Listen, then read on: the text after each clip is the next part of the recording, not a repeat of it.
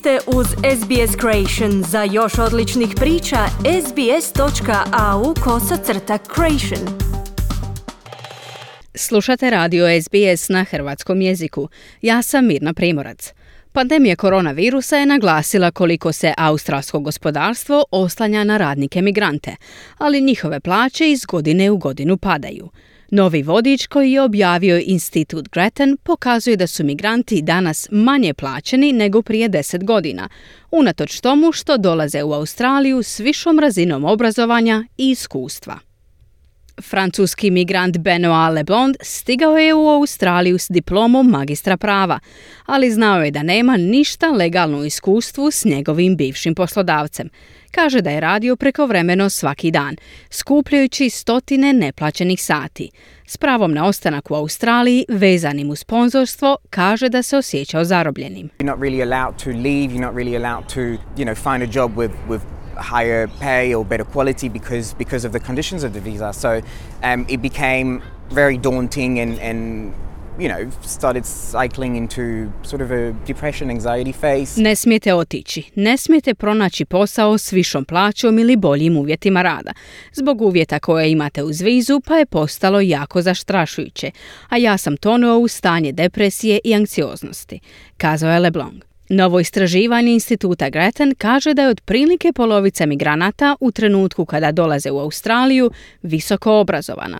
No unatoč visokoj razini obrazovanja iskustva, autor izvješća Will McKay kaže da se minimalna plaća ili privremeni kvalificirani dohodak nije povisio gotovo desetljeće.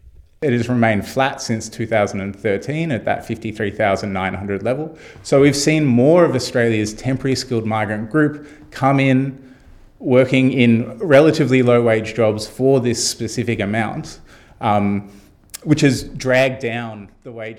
Na istoj razini od 2013. godine, otprilike oko 53.900 dolara, tako da vidimo sve više obrazovanih migranata koji dolaze raditi na niže plaćene poslove, a ove vize su za visoko kvalificirane radnike kazao je McKay. Otprilike svaki peti radnik u Australiji je migrant sa stalnom ili privremenom vizom, a oni su posebno ranjivi. Mnogi za život zarađuju u gostiteljstvu, a migranti čine 40% radne snage u ovom sektoru. Basina Bamberblom iz Instituta za migrantsku pravdu kaže da je nedovoljna plaća sustavni problem. We need to create a new environment where employers feel that there is a realistic prospect that if they underpay workers or they exploit migrant workers, they will get caught and that migrant workers will come forward and they don't just expect that migrant workers will remain silent when they're exploited.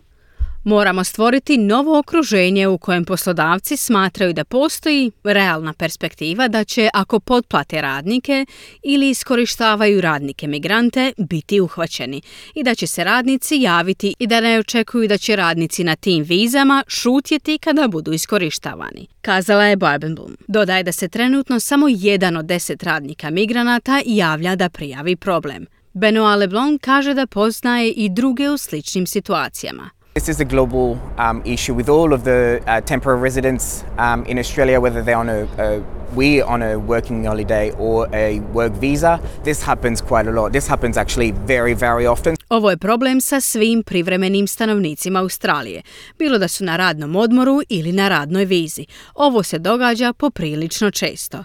Na posljedku je kazao LeBlanc. Želite čuti još ovakvih tema? Slušajte nas na Apple Podcast, Google Podcast, Spotify ili gdje god vi nalazite podcaste.